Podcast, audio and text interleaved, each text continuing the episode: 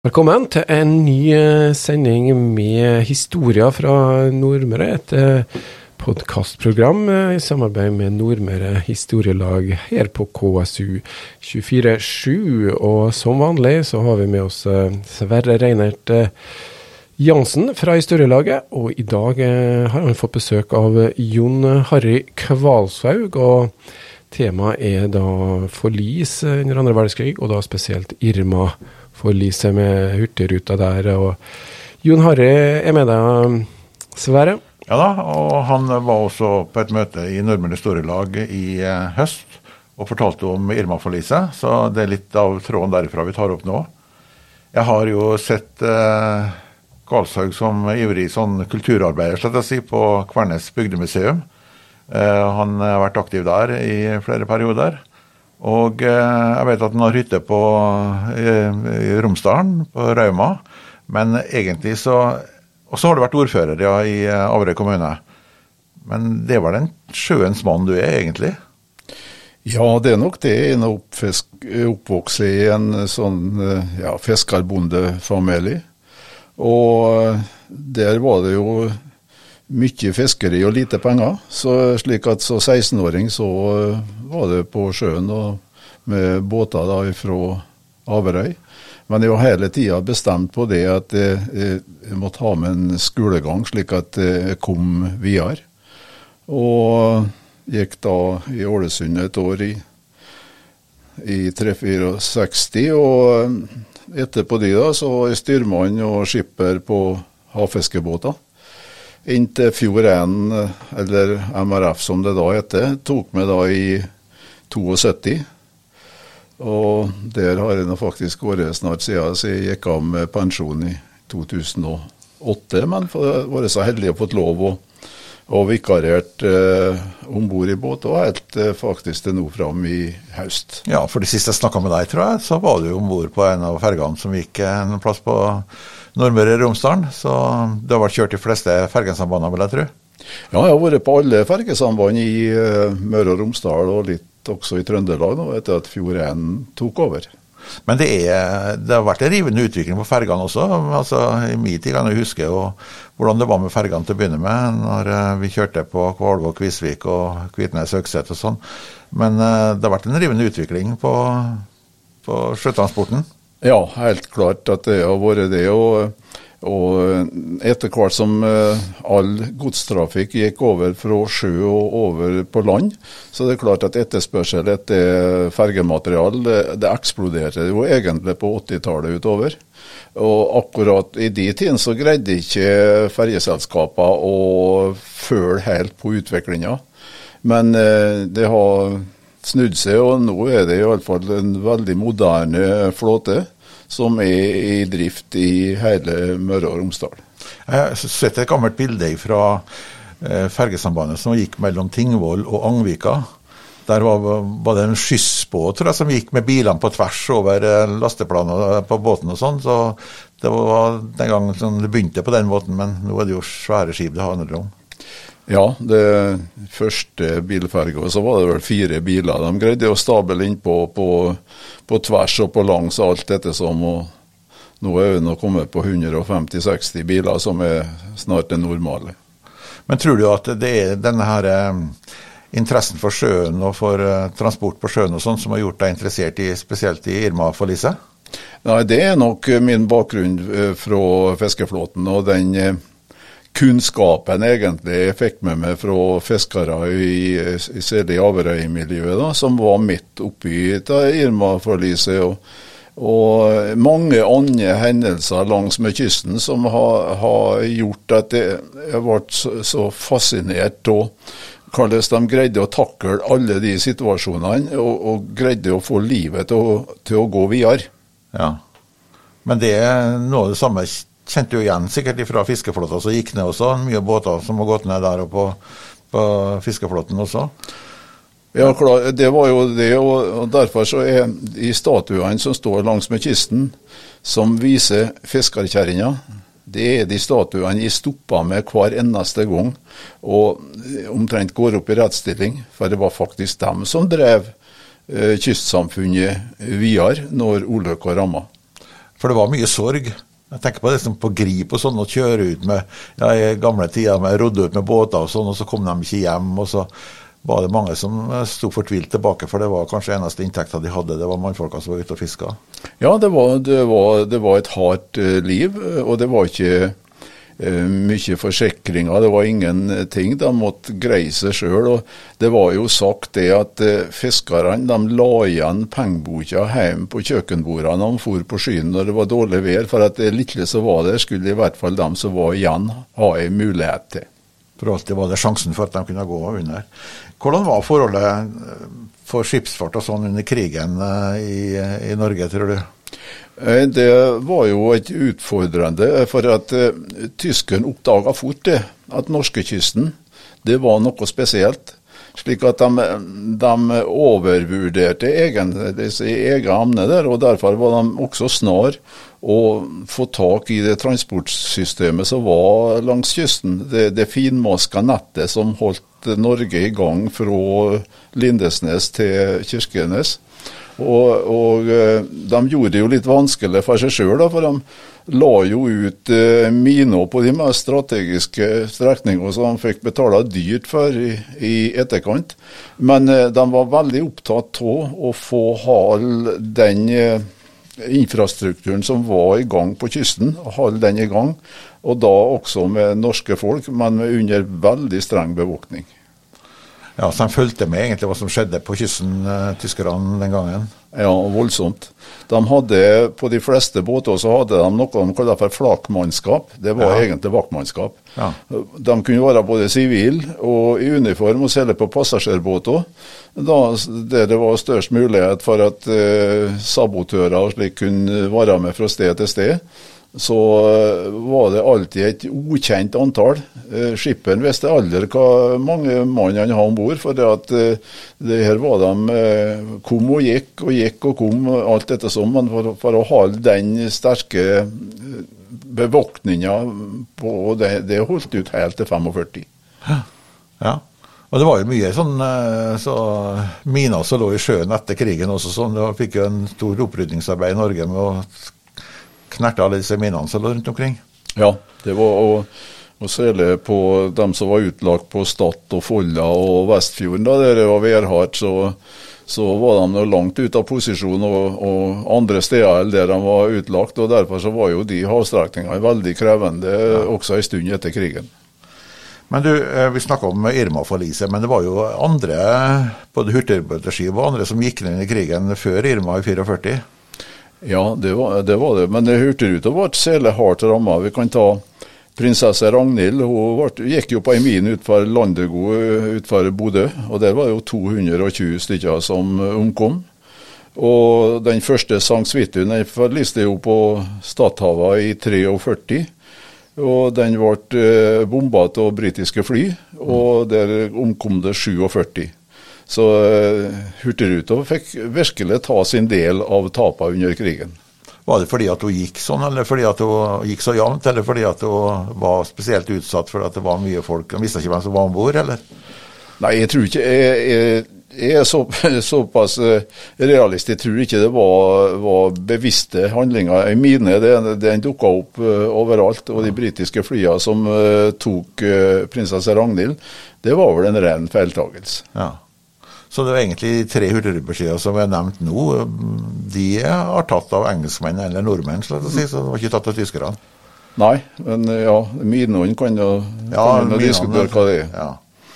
Men du sier at det var et eh, sterkt sånn tysk kontrollregime med skipsfarten langs norskekysten under krigen. Men um, hvordan var det med de norske styrkene da? Var, var de under tysk kommando, eller var de uh, under annen kommando? Eh, Tyskerne satte jo mye inn på å få tak i folk fra fiskeflåten eh, som, tok over båtene deres. Ja. Og de som åtte de båtene, og de fleste av dem, de gikk jo over i marinen eh, i, bort på Shetland og i England. Og de styrkene som kom dit, eh, der lå det en regjeringserklæring da regjeringa flykta til London på ja. at norske eh, soldater eller norske personer skulle ikke brukes i kamp eller å råke eh, norske mål. Nei. Nei. Så det var liksom noe det var enighet om i Norge den gangen? Ja, både i Norge og, og blant briter. Så de var um, under britisk kommando, da, på et vis? Under britisk kommando var de hele tida. Men denne begivenheten, altså 13.2.44, um, hvordan var været da når uh, Irma gikk ned? Eh, det er beskrevet både gjennom sjøforklaringa og gjennom forklaringa. og, gjennom folk som har fortalt om den dagen, så var det sørøstlig bris. Og ja. sørøstlig vind her på kysten, det er jo fint vær, iallfall ja. her sør for Trøndelag. Så, og det var klart, ganske klart. Og det var tre-fire dager etter fullmåne. Og når vi går ut på kysten her midt i februar, og det er slik vind, så er det alltid slik at dagslyset forsvinner senest ut, ut, i horisonten. Så du, du får ei sånn lysstryme over horisonten, det er det siste du ser.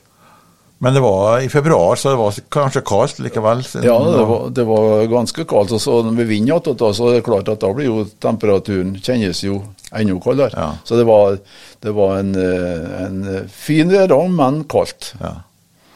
Hva var det som skjedde da? Ja, det, som, det, som, skjedde, var Irma var på nordgående. Hun gikk jo ut fra eh, Bergen og var på, eh, på nordgående. Gikk ut fra Ålesund 13.10. Eh, og der var det da om bord ca. 100 personer. Jaha, og ja. det, det, sier da ja. litt om at eh, hva mye vaktmannskap om det var om bord, det, det, har de ikke kontroll på. Og det skulle de ikke ha kontroll på. Nei. Uh, Visste de ikke det heller når man telte opp de døde og overlevende? La oss si at det var noen tyskere der som ikke skulle vært der?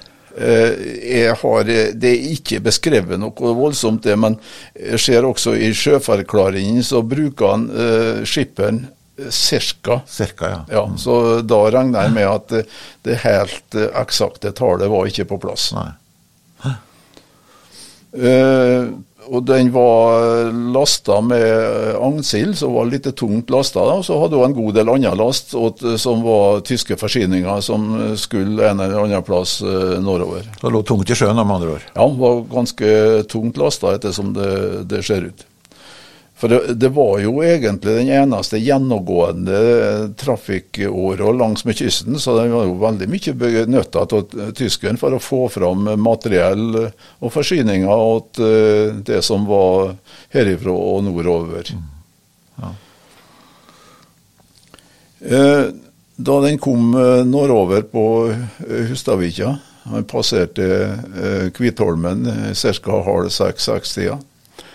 Og da så de en båt framfor seg da, som het Henry. Og Den hadde litt dårligere fart, enn hurtigruta, så hun hala inn på den. Og Samtidig så var det en slepebåt som het Hoplafjord, en liten slepebåt, som hadde en eh, lekter på slep. Og Den hadde jo enda dårligere fart. så eh, På vei fra Kvitholma og nordover til Hersaret så innhenta Hurtigruta seg der båtene. Og eh, 1827 står det i sjøforklaringen. Da de passerte Harskjæret med ca. 1 nautisk mil, så smalt det. Kunne det se ut som om det var en konvoi, i og med at du sier at det var tre båter pluss en henger som hang på ene båten? Ja, det skal, skal en ikke se bort ifra. Eh, hvordan eh, det forestiller seg. Og da er det igjen jeg er litt opptatt av hvordan synsranda var ute for, i og med at havet eh, da speila den synsranda. Så, så hvordan det så ut fra land, det skal vi ikke eh, spekulere så mye i. Men det kan være en mulighet at det så ut Det var i hvert fall flere båter som var sammen. Mm. Det er det ikke tvil om. Nei. Så de må komme sammen rundt et, etter Hestskjæret fyr, da, skjønner jeg. Mm. Ja, for at uh, han passerte, uh, passerte uh, Akkurat han passerte Hestskjæret fyr, så passerte også Irma Henry. Ja. Og der lå det noen sånn MTB-er, noen sånne uh, båter på lur, så det sier noen norske mm. båter på lur?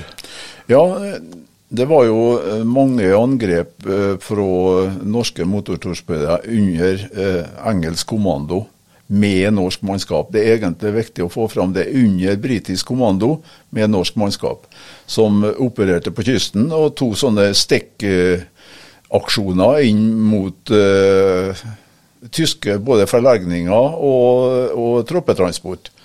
Uh, det blir jo sagt uh, nå i etterkant at det var ca. 50-60 i hvert fall som er, er loggført, sånne, ja. sånne aksjoner.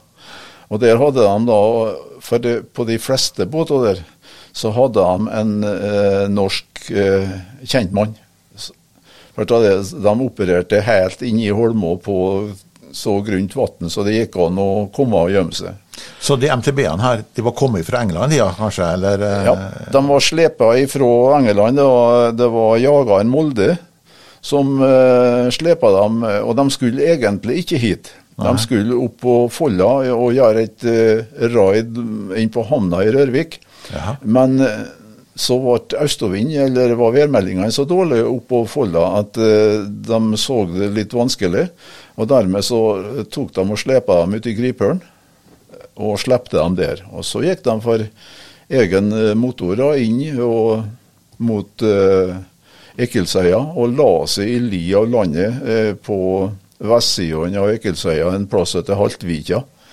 Eh, det er litt Den som er lokalkjent, så er det litt i sørøst for Stangerodden. En ja. bratt hammer med ei djup vik oppå. Ja. Da, der la de seg i li og satte ut vaktmannskap eh, på land. For å, og, og de hadde kamuflasjenett over båtene, slik at de skulle være minst mulig synlige. Og de hadde med kjentmann? Ja. De hadde med en kjentmann. Eh, den som var kjentmann på den turen der, han, eh, han og faren, han heter Jakob Sandøy fra Sandøy i Romsdal. Ja. De har fått bygd seg en ny fiskebåt i, og var levert i 1939. Den var på fiske ved Island og ble eh, tatt av eh, briter. Uh, og han uh, Jakob Sandøy gikk inn da i styrka som kjentmann. Han var enormt godt kjent på kysten da, som fisker. Han var om bord på de MTP-ene som uh, kjentmann. Mm. Og så sa du så smalt det? Ja. Uh, Utpå ettermiddagen, da, sen ettermiddag, så de har jo vaktmann på, uh, på land. Den så jo da røyken av noe uh, ut som passerte Kvitholmen på vei nordover. Og han varsla jo selvfølgelig om bord hva han så. Og da ble det bestemt det at eh, de skulle angripe det som de da kaller for en konvoi. Og gjorde seg klar da til å ta den eh, når den passerte nord om Herskjæret, for at da var fluktmulighetene fra båter fra fra motortorpedoer veldig grei, da, enten de gikk sør om Ordskjæret eller de gikk nord og ut uh, attmed Grip. Så de hadde tenkt å stikke av dem etter at de hadde sendt disse torpedoene? Ja, for da var det om å gjøre å komme seg De hadde begrensa med, med drivstoff om bord. Ja. slik at var, For dem var det om å gjøre å, å gjøre korte raid og så greie å komme seg over til Engeland, eller til Shetland, da, som ja. de opererte ifra, på den eh, beholdninga de eh, hadde om bord. Så det var kort og godt sånne raid som var. Eh, da de hadde gjort klart og på vei utover, da, så Eh, advarte han Jakob Sandøy, skipssjefen, om at det der kunne ikke være en konvoi, det måtte være Hurtigruta. Og det er flere av mannskapene under ed i senere tid som har bekrefta at han eh, flere ganger advarte han Jakob Sandøy mot å angripe der, for at han anså det slik at det måtte være Hurtigruta. Det ble oversett kort og godt. Og angrepet utført med to torpedoer i Irma. Som eh, den første inn, han rev av forskipet. Mm. Slik at eh, det egentlig forsvant rett ned. Og masta eh, er beskrevet slik at hun la seg over babord, over babord bruving på Irma. Så smalt det en gang til, og det, den trefte da i atterskipet og ødela livbåtene. Slik at de hadde ikke noe mulighet Og den sakk, ettersom det står i sjøforklaringen, da, eh, eh, i løpet av to og et halvt minutt. Så det var ganske kjapt, da? Det var ikke noe som fløyta, egentlig? Nei, det ble revet både før og, fore og åtte, og ja. torpedoen gjør jo store hull. Ja. Så den forsvant. Og etter at det var ferdig, da, så fikk Henry to torpedoer ganske samtidig. Så den er også sagt. Men den greide da å få satt ut en livbåt. Eh, den rakk det. Om bord på Henry så var det 14 uh, eh, mann. Men, eh, men, det var jo altså Det var mm, flere mot 100 som var med på Hurtigruta, men det var 61 som døde. Var det sånn? Ja, ja stemmer det. Det betyr at det var en del som ble berga, da? Ja. ja. Ca. 25 som ble Cirka. Det var 25 som ble berga. Hvem som tok opp dem, da? Ja, Det, det ble jo forskjellig. Det, de kom seg jo oppå det, det, var jo å hoppe rett på havet. Det var, det var ikke, noe annet var det ikke spørsmål. Nei. Henry fikk ut en livbåt, ja. så den tok opp noen. Så, så kom det datt Eh, eller ble løst løst flåta fra Hurtigrutene. Eh, men om de løstes automatisk eller de ble utløst av trykket, da, det, det, vet vi ikke noe om. Nei. Og det der var ikke noe flåta som er i dag. Nei. Det var noe tre, trerammer med noe blikk flytekanne under, som ja. var ca. to ganger to meter, og med tau rundt så du kunne henge i. Ja. Mm. Det var sånn som det var den gangen med bergings... Eller livbåter, ja. ja. Det, det var. Men det var, ei, det var jo ei, vi må jo nevne det, det var ei Kristiansundsdame som overlevde dette her. Og uh, Muriel overlevde det. Hun ja. var med. Og hun var den eneste overlevende eh, kvinnelige passasjeren. Ja. Og uh, Muriel Wold hun satt nede på lugara sin. Hun skulle på land i Kristiansund. Ja. Og hun og ei venninne satt nede på lugara. Og hun sier vel sjøl at mer vet hun ikke, for at hun lå på en madrass, flaut på en madrass som holdt på å sokke ut, i, ut i sjøen. Ut i den kalde sjøen. Så ble sprengt ut da, for så vidt, fra lugaren sin og ut. Eh, det ble åpning der? En av teoriene kan, kan jo være det. I hvert fall så ble det åpning. og det er jo eh, en del ukeblad de framstiller det som at hun ble utslengt på en madrass og, og havna ute i sjøen. Men det skal vi ikke gå inn på. Men i hvert fall så ble hun eh, der og ble plukka opp av livbåten til, til Henry. Ja. Og han som var i livbåta, han heter for uh, Ole Alsvåg. Han var faktisk til stede på uh, avdukingen av minnesmerket og møtte jo Muriel. Og Det var jo en historie som gikk alle ukeblad eh, i Norge rundt i, i lang tid framover. For det, det var et, eh, et, sterkt møte. Ja. Mm. Men det kom til en del av disse her fiskebåtene rundt da, kanskje, som hjalp med berginga der når ikke for de i, de vel sjøen, mange av disse folkene som eh, overlevde også? At det ikke alle hadde en madrass å flytte på? Nei, de lå jo i sjøen og med drivgods og, og sånne, sånne flåter. Uh, men det som, før vi forlater motortorpedobåtene, så må vi kanskje ta med noe av det som var aller alvorligst. Torpedo er én ting, men det ble avfyrt 2300 mitraljøse skudd av, fra disse båtene? Fra disse båtene på folk som lå i sjøen og mot båter. Mm. Og det ble sagt i etterkant at uh, det var mange av de uh, omkomne som de fant da, som hadde kulehull. Så egentlig var det flere som overlevde si, på liset, men de ble skutt av nordmenn som lå i sjøen når de lå i sjøen? Ja, de kunne ha overlevd, det vet vi ikke noe om. Men i hvert fall så er det, er det slik beskrevet at uh, og når vi på så konsentrert område og så mye skudd, så er det klart at uh, da hadde det en enormt uh, virkning. For du senka ikke båter med mitraljøse. Og da forsvant båtene i, i full fart og var borte. Så da burde de jo kanskje ha sett det, hva som skjedde når de lå der og skjøt på dem. Men ja. uh, det gjorde de ikke, altså. Nei, vi skal ikke gå inn og spekulere på hva de, hva de så og ikke. Men uh, det var en sånn dramatisk hendelse at det, i Sveggen, da, Sveggesundet, så blir det nærmeste landet, egentlig. da. Eh, de var jo vant med det her ute på Hustadvikinga, at det skjedde ting eh, tett og ofte under krigen. Det var jo to tyske ja, eh, motortorspedobåter som ble senka litt lenger nord. og en del omkom. så De forsto med en gang at det var noe som var, var galt. Og de så lysglimt da ut i, til havet, for da hadde det blitt mørkt. Mm. Og det var fyra vi opp to av de større skeitene, Sveggøy og Galtei. Og gikk utover med for full musikk, og, og, fikk da begynne å plukke opp folk. Eh, Om bord på, på Irma så var det ei jente i stæsjen, eller i, eh, i byssa, da. Og hun var på, var på, jobb. Hun hadde et hvitt eh, sånn forskle eller sånn helkjole på seg, som vi husker. Ja, De hadde, hadde, damene på, på båt i, i, gamle dager. Ja. Eh, hun stupte rett på havet. Hun hadde sønnen sin om bord på fire år, og mora og søstera. Men hun stupte rett på havet og kom seg opp på en flåte.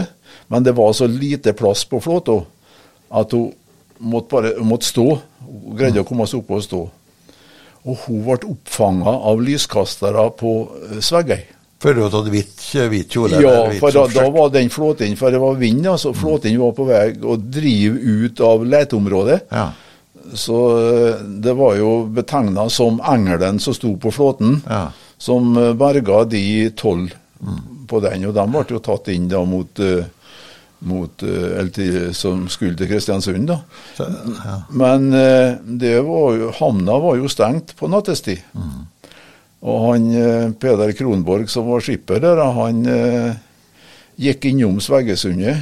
Og så trua han, det var en tysker òg på flåten som var berga seg, trua han han til å gå i telefon i Sveggesundet da, og ringe eh, kommandanten i Kristiansund da, at de fikk åpne eh, havna, slik at de kom inn med dem som var, var såra. Og da, da, fikk de fritt leide inn og, og fikk på sykehus dem som trengte dit. Mm.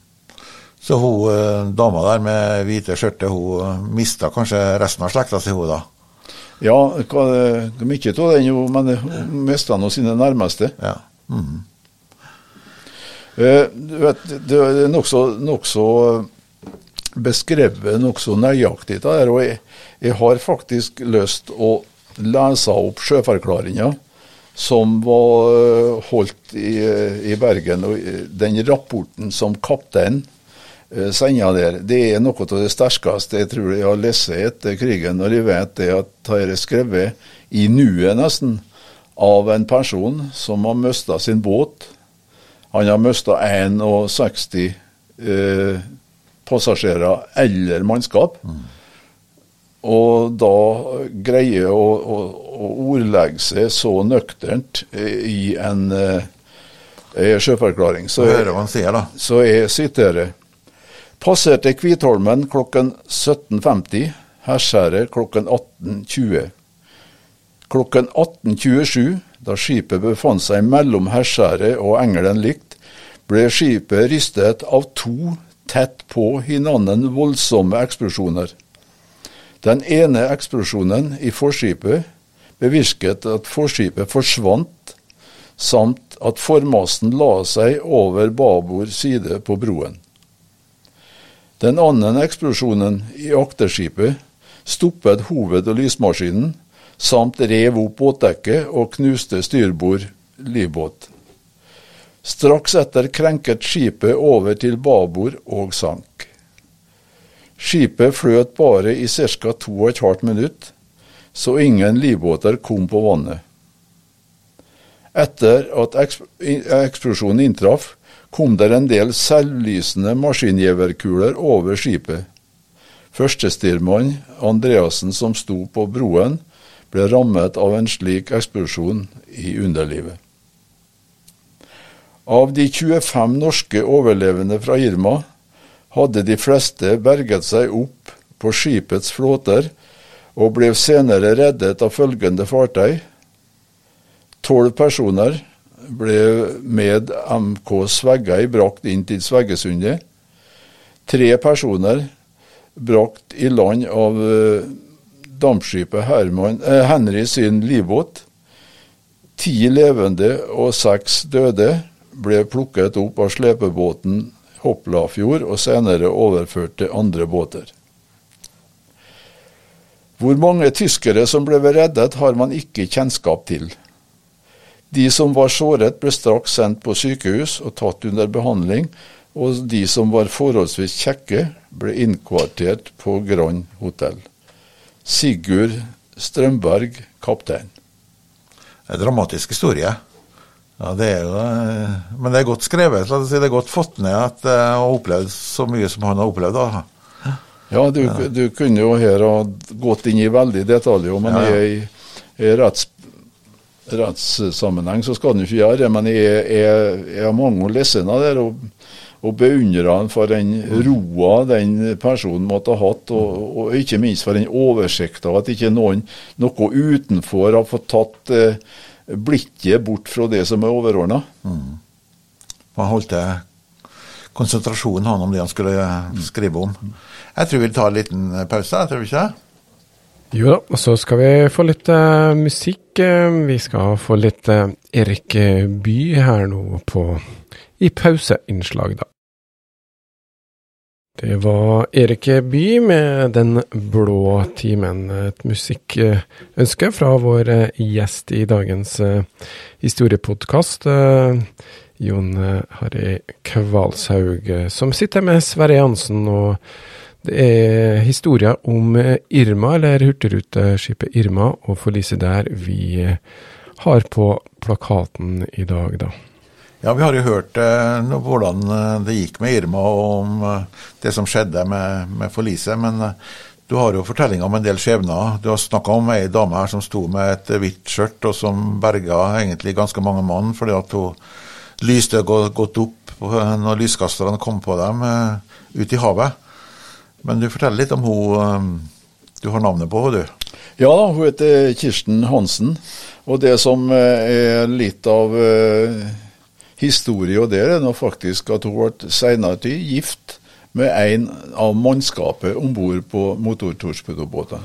Ja. Så det, det, viser seg at det går an også å forene seg etter etter slike hendelser.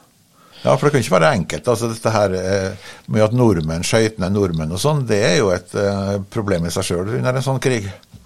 Ja, men så er det jo også en del av krigens iboende djevelskap. Ja. Det er at uh, slike hendelser kan oppstå. Likeens var vi innom han Jakob Sandøy, som var kjentmann der. Han, jo, han eh, rapporterte jo med samme han kom til Shetland, om hva som hadde hendt, og hva som egentlig hadde hendt. Og Han ble jo beordra ut av tjeneste og fikk eh, noe sånn ubetydelig oppgave senere. Eh, men eh, da invasjonen i Normandie eh, skulle foregå, så ble han beordra om bord på en av båtene under den aksjonen.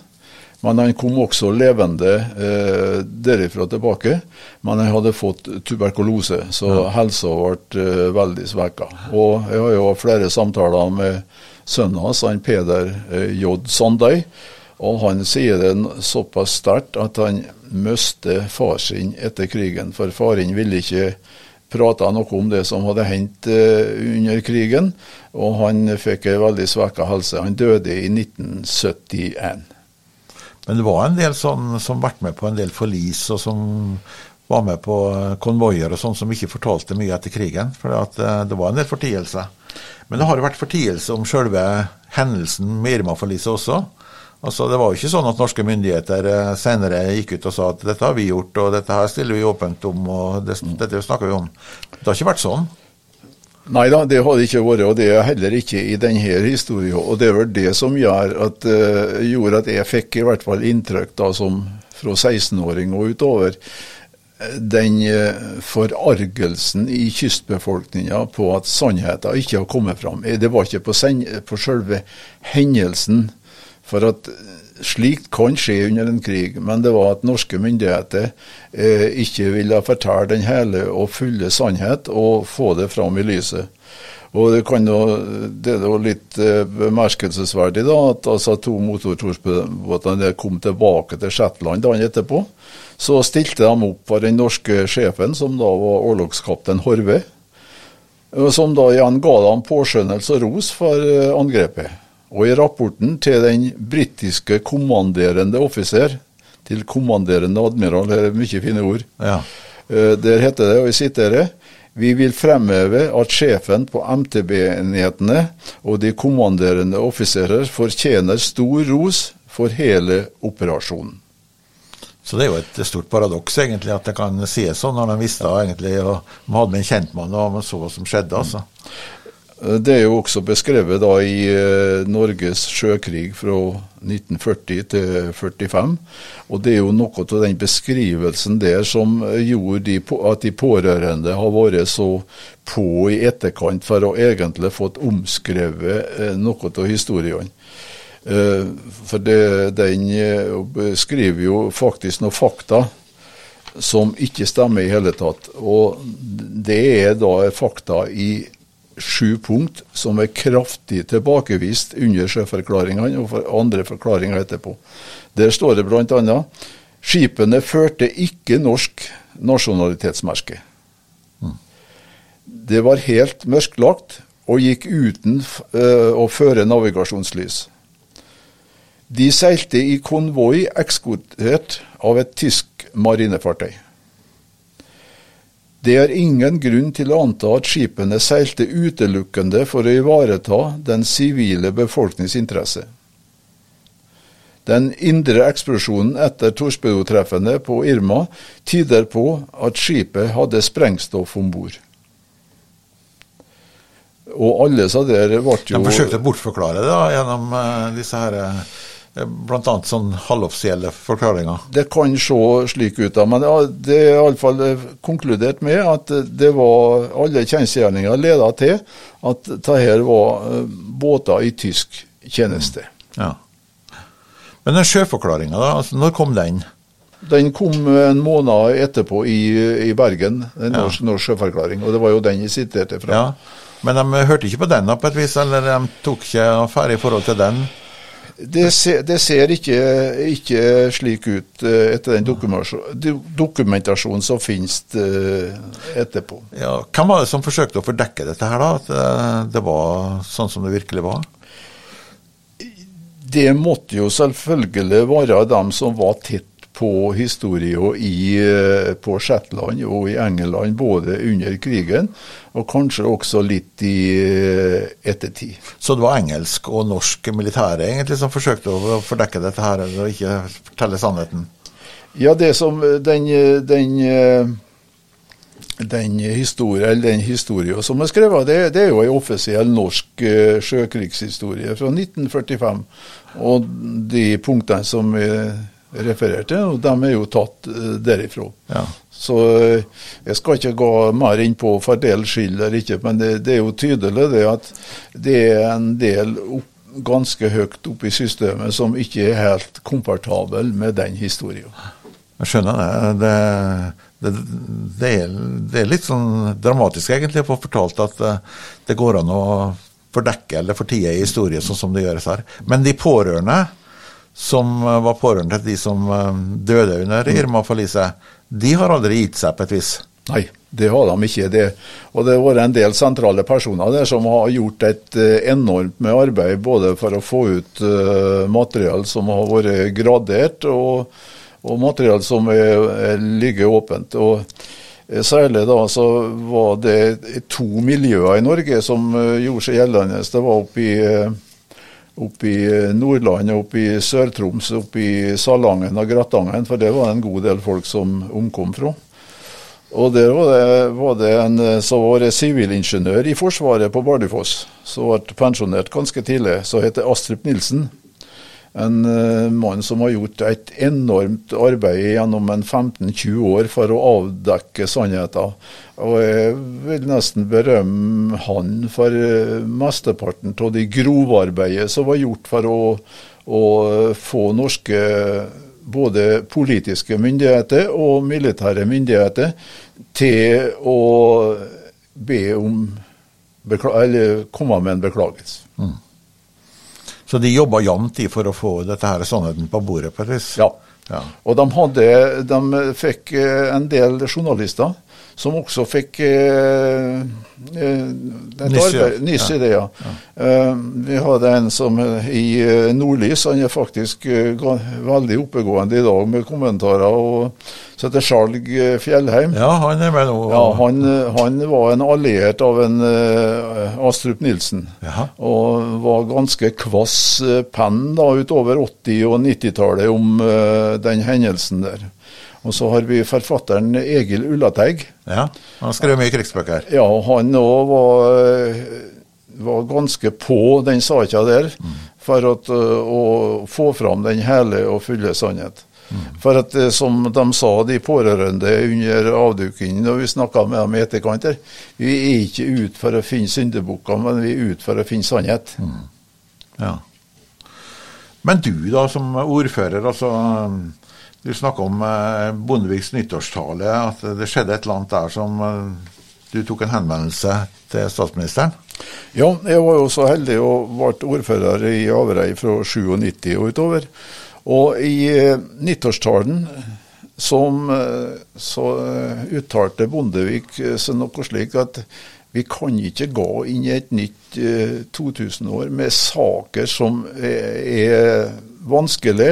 Vi må eh, prøve å rydde bordet nå, den siste på 99. Ja. Rydde bordet, og så vi går inn i det nye årtusenet med, med blanke ark. Eh, Da fikk du eh, ja, det var ikke, det var ikke Det har vært gjort mange henvendelser tidligere rundt om, og som egentlig ikke har blitt besvart eh, noe annet enn med litt sånn runde formuleringer. Men eh, den 19. april i 99 så kom eh, eh, forsvarsminister Elbjørg Løver Ja. med en beklagelse på vegne av regjeringen for det, at, eh, for det som de på, eh, pårørende og overlevende hadde lidd. Da åpna veien seg litt når jeg da sammenholdt den eh, beklagelsen og eh, Bondevik sin nyttårstale. Så eh, tok jeg og skrev et brev til statsministeren. Og der vi mente det at det var Norge måtte nå ta eh, initiativet til at det ble reist et eh, monument, minnesmerke, over Irma-forliset, som kunne da tjene som et gravsted og et sted for alle de fire parter som var involvert i uh. Eh, og ha et felles sted å, å møtes, og, og et forsonende sted. ja, men det var ikke gjort over natta å få til det, kanskje? Nei, det var det ikke. Nei, det var hadde en, eh, vi hadde en eh, fylkesmann den tida som het Alf Jakob Fostervoll, og som eh, i sin tid var forsvarsminister og hadde veldig god kontakt innover i Forsvarsdepartementet, da, også i den tida han var fylkesmann. Han var jo leder for eh, N- eh, Nord-Atlanterdivisjon i, i eh, Nato på styreplan, så det, han var jo veldig høyt oppe i systemet, og jeg rådførte jo mye med han. Og eh, han åpna jo en, en del veier som eh, kanskje ikke har, åpna seg. da. Men jeg fikk jo et positivt svar tilbake, men da ifra, ikke fra statsministeren, men da var det sendt nedover til forsvarsministeren. Og en forsvarsminister hun sender jo selvfølgelig nedover i sitt embetsverk igjen. Og da begynte det å, å bremse litt igjen.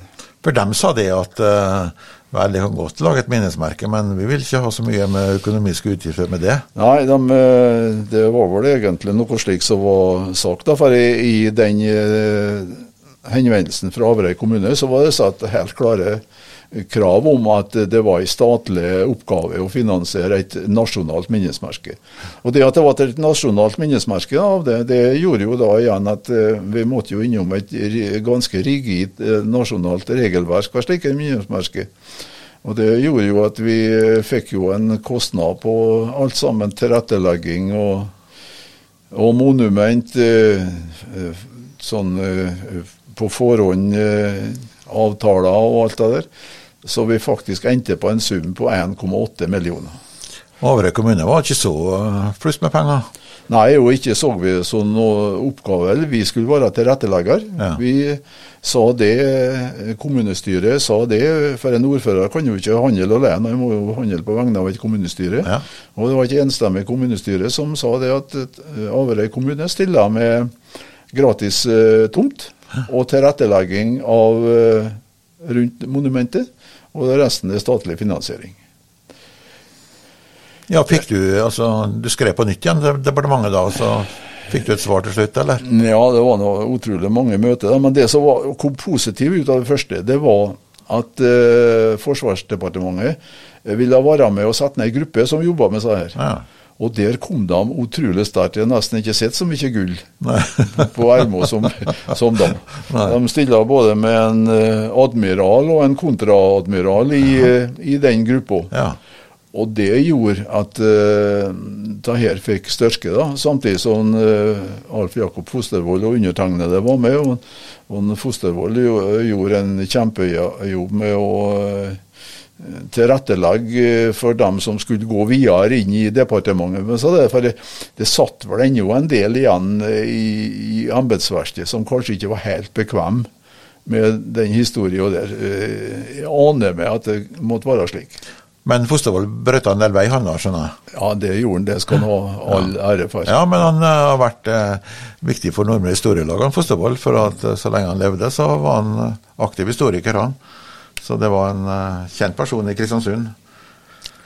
Men uh, det ble et vedtak til slutt i departementet eller et annet sted om at eh, det skulle dekkes en del utgifter. Ja da, vi fikk først da det var at de skulle dekke halve, og så skulle vi få inn halve gjennom all mulig slags dugnad, og, og det sa vi at det, det gjør vi ikke. Det var Gruppa var ganske tydelig på det, at, og ga ut på noe kronerulling. Og akkurat da der kronerulling hadde pressa fått tak i, så det kom jo oppslag både i Dagbladet og i Nordlys og Haugesunds Avis og Bergens Tidende Ja. om den kronerullinga. Ja. Og eh, han Astrup eh, Nilsen, han eh, drev jo på sin aktive måte og eh, kjør kiler inn i, eh, i det her slik at eh, å få det til å gå. Og så ble vi invitert, jeg nesten må fortelle, jeg ble invitert eh, i et møte i, i Forsvarsdepartementet med forsvarsministeren. Jaha. Og en, Alf Jakob da var, var med. Og da ble vi møtt av svarte biler og, og fikk veldig god booking opp gjennom alle etasjer helt inn til forsvarsministeren. Han, Bjørn Tore Godal, da. Ja, jeg har det. Og han hadde en eh, nokså mange rådgivere rundt eh, et bord her. Ja. Og jeg fikk så vidt begynne på et, et lite resymé av historien der. da. Så brøt han av, og så sa han det at eh, gå ut og skriv det som skal være, og få det på plass. Ja. Og så Det var nesten over før vi kom, men vi fikk jo veldig god forpleining i etterkant. av, Vi var veldig fornøyd Så da skjønte departementet og eh, kanskje også den militære øvrigheten at eh, det var ikke noe vei tilbake? Nei, og da kom finansieringa på plass, slik at eh, det ble finansiert da gjennom eh, fra staten, eh, og Møre og Romsdal fylkeskommune deltok. Så for Averøy kommune så kosta det 250 000 da, med tilrettelegging og vei og, og, og sånne ting. Så det, det ble en lykkelig eh, løsning til slutt. Ja. Men um, det var ikke gjort seg sjøl. Hvordan skulle minnesmerket egentlig være? Hvem er som eh, Har du bestemt det, eller? Nei, det har jeg heldigvis ikke. Jeg har vært med på å bestemme det. men- Nei, det er et, et nasjonalt minnesmerke. De må jo ut på offentlig konkurranse. Jaha. Og, og forprosjekt, og, og det var jo av det som var så kostnadskrevende, og tidskrevende. Ja. Så til slutt så var det en Geir Stormoen som da vant eh, den konkurransen. Og han vant den på en særskilt eh, måte. Eh, monumentet er, eh, er eh, to 30 tonns steinblokker som er skåret ut i berget på, på Røagen i, i Sveggesundet. Eh, som da har, står med fire meters mellomrom. Og når du ser mellom de to steinblokkene, som er ca. 3,5 meter høy, så ser du akkurat ut på stedet der det ble, der det ble senka. Og han eh, bruker betegnelsen 'stille rom' på monumentet, han Ja. kunstneren. ja. Jeg har vært der og sett på. Det er kjempefint det minnesmerket. Og det går an å se ser utover havet når man står mellom der og, ser på. Så, um, og så ble det laga en vei opp, og det ble laga noen skilt og sånn. Og så var det vel også ei tavle der, tror jeg, med de som eh, hadde omkommet under forliset. Ja, alle de 65 Ja. er, det, er det navnene på. Men eh, det var jo flere enn du som var der når det ble avduka etter minnesmerket. Ja da. Eh, ad omveier så fikk vi jo eh, Eller vi hadde jo også i gruppene da, ganske klare formeninger om at vi ville ha kongen som da to avdukinger, for å legge liksom trykket på at det her var for alle de fire gruppene som var involvert. Både dem som omkom, eh, de, dem som etterlatte de omkomne, dem som var med på redningsarbeidet, og dem som, ikke minst, dem som var om bord på torpedobåter. For vi må ikke glemme at det er mennesker av kjøtt og blod, det også. Så, eh, så, eh, og da fikk vi klarering at eh, 16. eh, september i 2002 så var kongen til stede og i ei fullsatt Bremsnes kirke, da, der pårørende var invitert fra hele landet. og Det var ikke mange pårørendefamilier som ikke var representert. Vi var faktisk i den situasjonen at vi måtte begrense det da, til tre pårørende fra hver familie for i hele tatt å håndtere det. Eh, og det var ei enormt eh, gripende stund. Og så for dere utover til minnesmerket. Ja, da hadde vi avtale med, med Hurtigruteskipet Midnattssol. At de kom i eh, Kristvika næringspark, det som er næringspark i dag. da. De gikk ikke inn om Kristiansund, de tok anløpet der. Tok om bord kongen og alle dem som var med på, på minnestunder. Og gikk utover mot stedet der som vraket lå. Men eh, historien om hvordan vraket var funnet, må vi nesten innom. For det, Ja. det er jo en lokal bragd av en Nils Aukan. Det skal han ha store ære for. Ja. For at eh, han er jo en eh, vrakleiter av dimensjoner. Ja. Han har vært på jakt etter vraket av Irma. Eh, han eh, gjorde vel en henvendelse til Statoil når de hadde så mye ROV-båter innom Kristiansund, om de kunne gjøre en sveip utom eh, eh, og, eh, Leite, ja. og Leite. Og Det gikk jo ikke i første omgang, men så var det en båt som het eh, Seaway Server, som var innom her og skulle i Nordsjøen og teste noe utstyr, men så var det så dårlig vær i Nordsjøen. nå. Og han skipperen som var om bord, han hadde hørt om det, og han, de sveipa utom der. Og etter seks timer så fant de vraket. Tok opp film av de. Vraket ligger på 206 meters dypne med 200-300 meter mellomrom. Og på den filmen som gikk da Norge Rundt på NRK Dagsrevy, der leser vi navnet Irma. Og masta som var omtalt som eh, datt ned på babords eh, broving, hun ligger der en dag i dag. Se det, ja. Ja. Så det, det var et utrolig sterkt eh, inntrykk det gjorde på, på, på hele Norge, akkurat det. Og jeg, jeg må si det at jeg så opp at det flere ganger og tenkte på den dramatikken som har vært før at båtene lå der. For det var dramatisk. Det var det. Ja, øh, har det betydd mye for deg, dette her? Har du, det har vært mye arbeid skjønner jeg, for å få fram alt dette her? Ja, det har det vært. Men det det er også en, en liten hendelse i forbindelse med at uh, Hurtigruteskipet la seg på stedet der som, eh, der som eh, Ja. over vraket, der som de lå. Eh, Så eh, Forsvaret de hadde da to MTB-er som var i området her, som, eh, der mannskapet av dem var flaggborg og slike ting på avduking. Ja. Eh, Så var det spørsmål om hvordan eh, dette skulle bekranses, for at eh, kongen var opptatt av at det ble en bekransning på selve stedet. Det skulle hyves en krans på. Ja, og Så ble det gjort slik at sognepresten i Averøy den gang, han skulle være med en av uh, ut. Han var med en krans med 65 roser på, som skulle legges på eh, havet på vegne av kongen mens Hurtigruta lå i ro, da, og folket var ute på dekk. Var det litt grann sjøgang den dagen, så det var litt grann urolig. og kan vel si det i etterkant at vi kan være glad for at uh, Averøy berga sognepresten. De får ramla ut, kanskje? ja? For et utsagn fra dem på motortorspedobåter, så uh, ble han veldig angrepet av sjøsyka. De torde ikke ha inne og surre han fast og både han og rorhus før han uh, la kransen ut. Men det ble utført, og, og mens det var gjort, så gikk kongen rundt og hilste på alle dem som har vært med på bergingsdåden, Ja. som var tilbake der da. Eh, ute på hoveddekket. Og Det var ikke utrolig sterkt. Det var, Jeg tror ikke det var mange øyne som var tørre av noen av dem. da.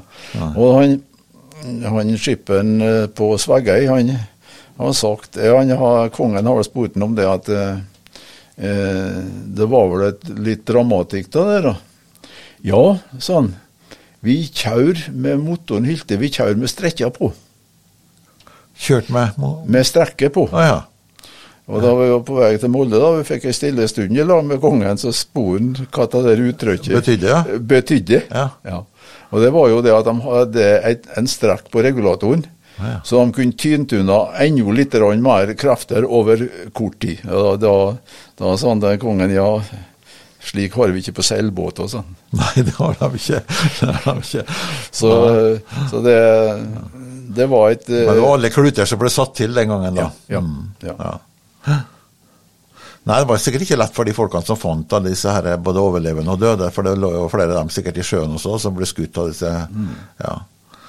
Men, eh, men den moralske sida av saken er jo egentlig altså Den ligger der jo, men eh, det var jo sånn som du sier, at under krig så kan alt skje. og Det skjer jo ting at folk tar livet av sine allierte, altså, på et vis. Men det var en fin historie. altså Det er ikke bare historie, men en fin hendelse som ja. vi setter veldig pris på å få høre.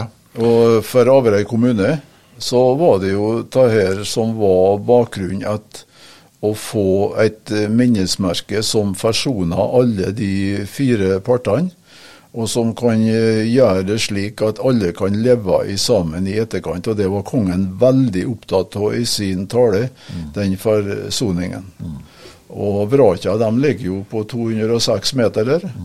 Og eh, hekken på Irma den var jo fullt av sjøanemoner på den eh, videoen vi så fra dypet der.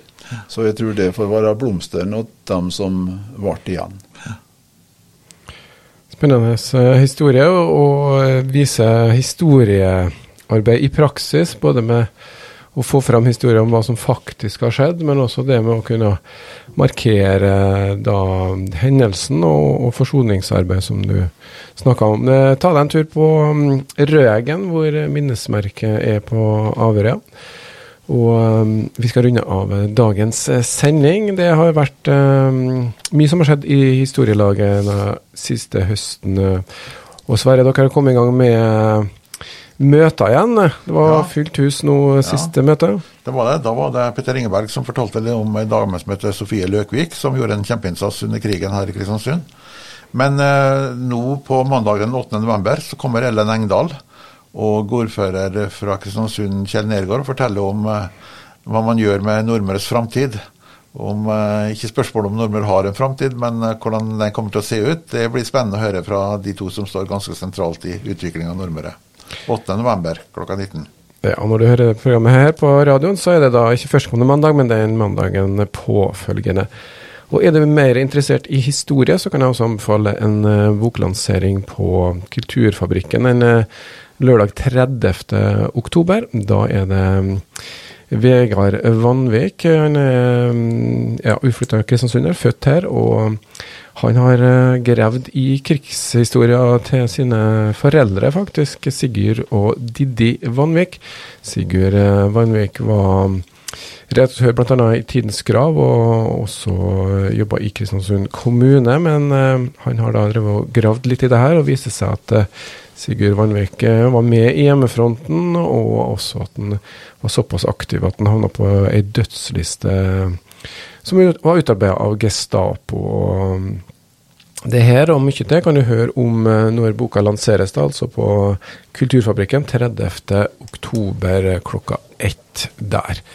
Så takker vi for oss, og takker Sverre Jansen fra Historielaget, og ikke minst da Jon Harry Kvalshaug, som har vært med oss i dag.